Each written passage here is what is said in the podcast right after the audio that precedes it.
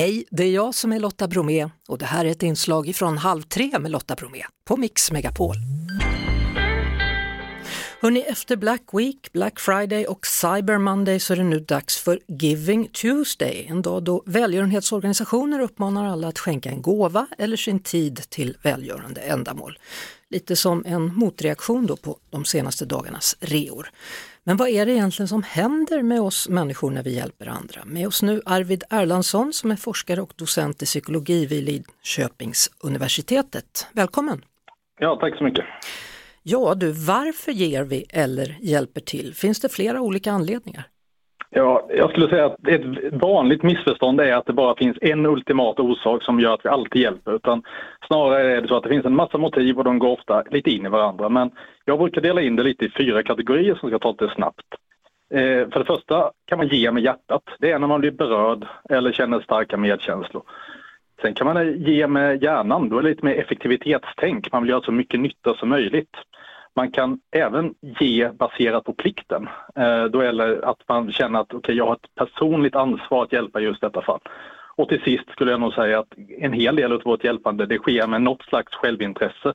Att man tänker att jag kanske kan få vänner genom att hjälpa, eh, ja, man skapar nya sociala sammanhang, man kan förbättra sitt rykte eller att man kan få den här positiva emotionella belöningen. Mm, det är ett spännande ämne som du har valt att forska kring du.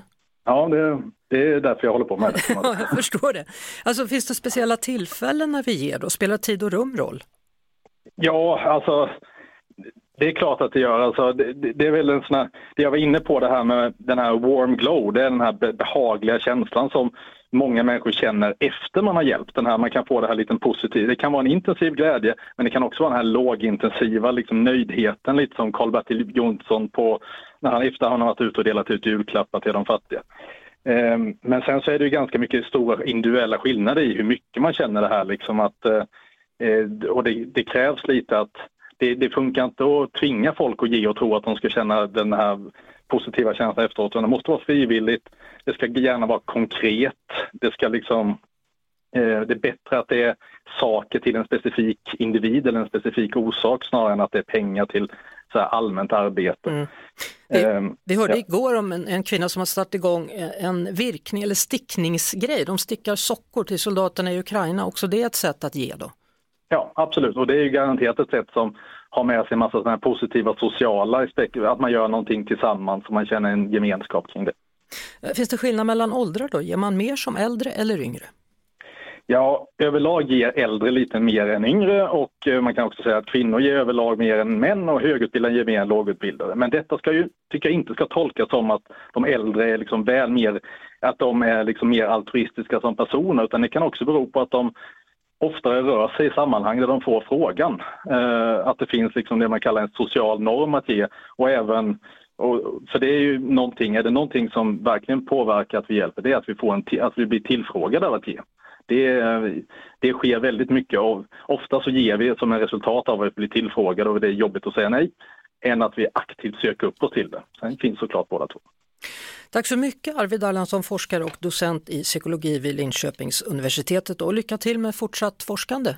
Ja, detsamma. Det var det. Vi hörs såklart igen på Mix Megapol varje eftermiddag vid halv tre. Ett poddtips från Podplay.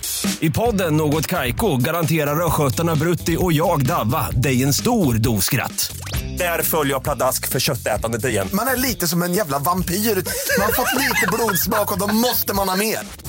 Udda spaningar, fängslande anekdoter och en och annan arg rant.